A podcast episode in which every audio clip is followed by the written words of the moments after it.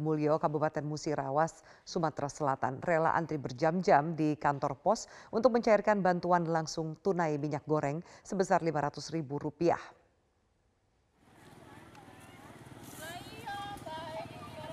Inilah suasana ibu-ibu yang tengah mengantri berdesakan di kantor pos kecamatan Tugu Mulyo, Kabupaten Musirawas demi mencairkan bantuan langsung tunai minyak goreng sebesar Rp500.000. Petugas polsek yang mengatur pembagian BLT terlihat kewalahan mengatur warga yang antri. Di kantor pos ini juga menyediakan gerai vaksinasi COVID-19. Bagi warga yang belum divaksin harus menjalani vaksinasi sebelum mencairkan BLT. Total 500 warga desa Awidodo yang menerima BLT minyak goreng terdiri dari warga terdampak pandemi seperti buruh tani, pedagang sayur, dan pelaku UMKM. Warga mengaku senang mendapatkan BLT minyak goreng dan akan dipergunakan untuk kebutuhan sehari-hari.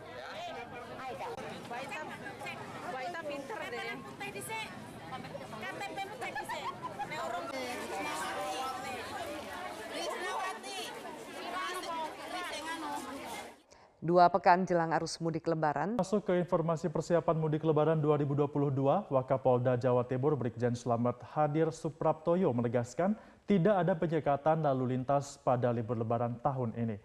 Wakapolda Jatim Brigjen Selabat Hadi Supraptoyo menyampaikan hal tersebut saat penyerahan bantuan Kapolri berupa 2.500 paket sembako kepada buruh di Kabupaten Sidoarjo. Menurut Wakapolda Jatim, pelonggaran pemerintah memperbolehkan mudik lebaran hendaknya tidak disikapi dengan euforia yang berlebihan. Masyarakat diimbau tetap taat protokol kesehatan karena pandemi COVID-19 masih ada meskipun sudah melandai. Masyarakat diimbau kesadarannya untuk bersama-sama memutus mata rantai penyebaran COVID-19. Masyarakat yang akan mudik tetap harus sudah menjalani vaksinasi COVID-19 tiga kali atau booster. Dan memang nanti tidak ada yang namanya penyekatan seperti kayak lebaran tahun lalu, tidak ada pemutar balikan tidak, nggak ada. Tapi yang diharapkan adalah kesadaran masyarakat untuk bisa taat terhadap dirinya sendiri maupun lingkungannya. Pemirsa untuk menghindari kerumunan di momen mudik lebaran, sejumlah warga memilih untuk mudik lebih awal ke kampung halaman. Mudik lebih awal ini terlihat di stasiun Pagaden, Kabupaten Subang, Jawa Barat, keberangkatan warga untuk mudik lebih awal sudah terjadi sejak Rabu yang lalu. Penjualan tiket kereta arus mudik beberapa hari mendekati lebaran ke sejumlah daerah arah Jawa telah habis dipesan calon penumpang. Sebagian besar pemudik yang pulang lebih awal di stasiun Pageden ini merupakan pekerja sektor informal. Pihak PT KAI mewajibkan calon penumpang untuk menyertakan keterangan surat divaksin tiga dosis bagi yang belum vaksinasi booster wajib menunjukkan hasil tes antigen atau PCR yang menyatakan calon penumpang yang bersangkutan negatif COVID-19.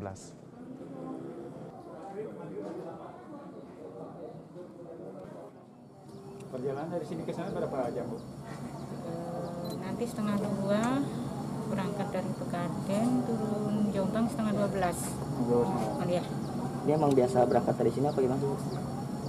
Sering ibu lewat sini? Iya, Oh. sering. Vaksin ketiga udah ada dapur antigen, vaksin kedua wajib antigen, vaksin pertama PCR. Jadi untuk para penumpang yang akan naik dari stasiun Pegadaian Baru agar Dua, penjual takjil di Bekasi, Jawa Barat tertipu pembeli yang menggunakan uang palsu. Ironisnya, para pengedar uang palsu ini nekat menyasar para pedagang kecil yang berjualan tidak jauh dari kantor Mapolsek Jati Sampurna.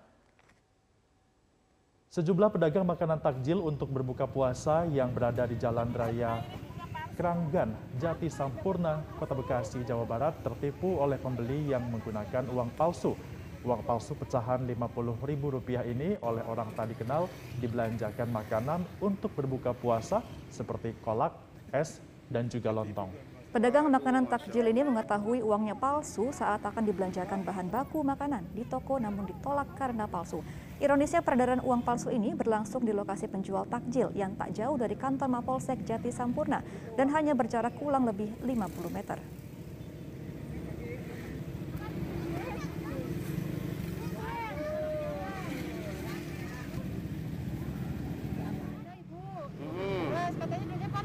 Katanya gitu.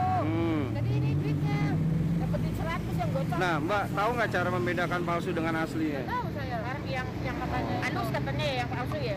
Saya makanya nggak ngerti kalau dapat belajar kan langsung masukin ke dompet dompet aja jadi nggak tahu yang palsu yang mana yang asli yang mana jadi ini kata ibu tadi palsu jadi. Selain besaran tunjangan hari raya dan gaji ke-13 bagi para aparatur sipil negara tahun ini lebih besar dari tahun lalu. Menurut Menteri Keuangan, kebijakan ini diharapkan dapat mendorong pemulihan ekonomi dari kalangan kelas menengah lantaran bulan Ramadan dan Hari Raya Idul Fitri merupakan salah satu momentum pertumbuhan konsumsi masyarakat. Hal ini disampaikan Menteri Keuangan Sri Mulyani dalam keterangan pers virtual pada Sabtu pagi melalui PP nomor 16 tahun 2022. THR dan gaji ke-13 kembali disesuaikan dengan situasi masyarakat yang menghadapi berbagai kenaikan harga dan kondisi APBN. THR tahun 2022 diberikan kepada 1,8 juta aparatur pusat, 3,7 juta aparatur daerah, dan 3,3 juta pensiunan dengan besaran yakni gaji atau pensiunan pokok dan tunjangan melekat, serta tambahan 50 persen tunjangan kinerja per bulan bagi yang mendapatkan tunjangan kinerja. Sementara bagi instansi pemerintah daerah, paling uh, paling banyak adalah 50 persen tambahan penghasilan dengan memperhatikan kemampuan kapasitas fiskal daerah dan peraturan perundang-undangan. Anggaran tersebut ditampung dalam APBN 2022 yang dialokasikan melalui kementerian lembaga sebanyak 10,3 triliun, dana alokasi umum sebesar 15 triliun, dan bendahara umum negara sekitar 9 triliun rupiah. Menkeu memastikan kebijakan ini tetap mempertahankan keseimbangan pelaksanaan program lain dalam batas kemampuan keuangan negara.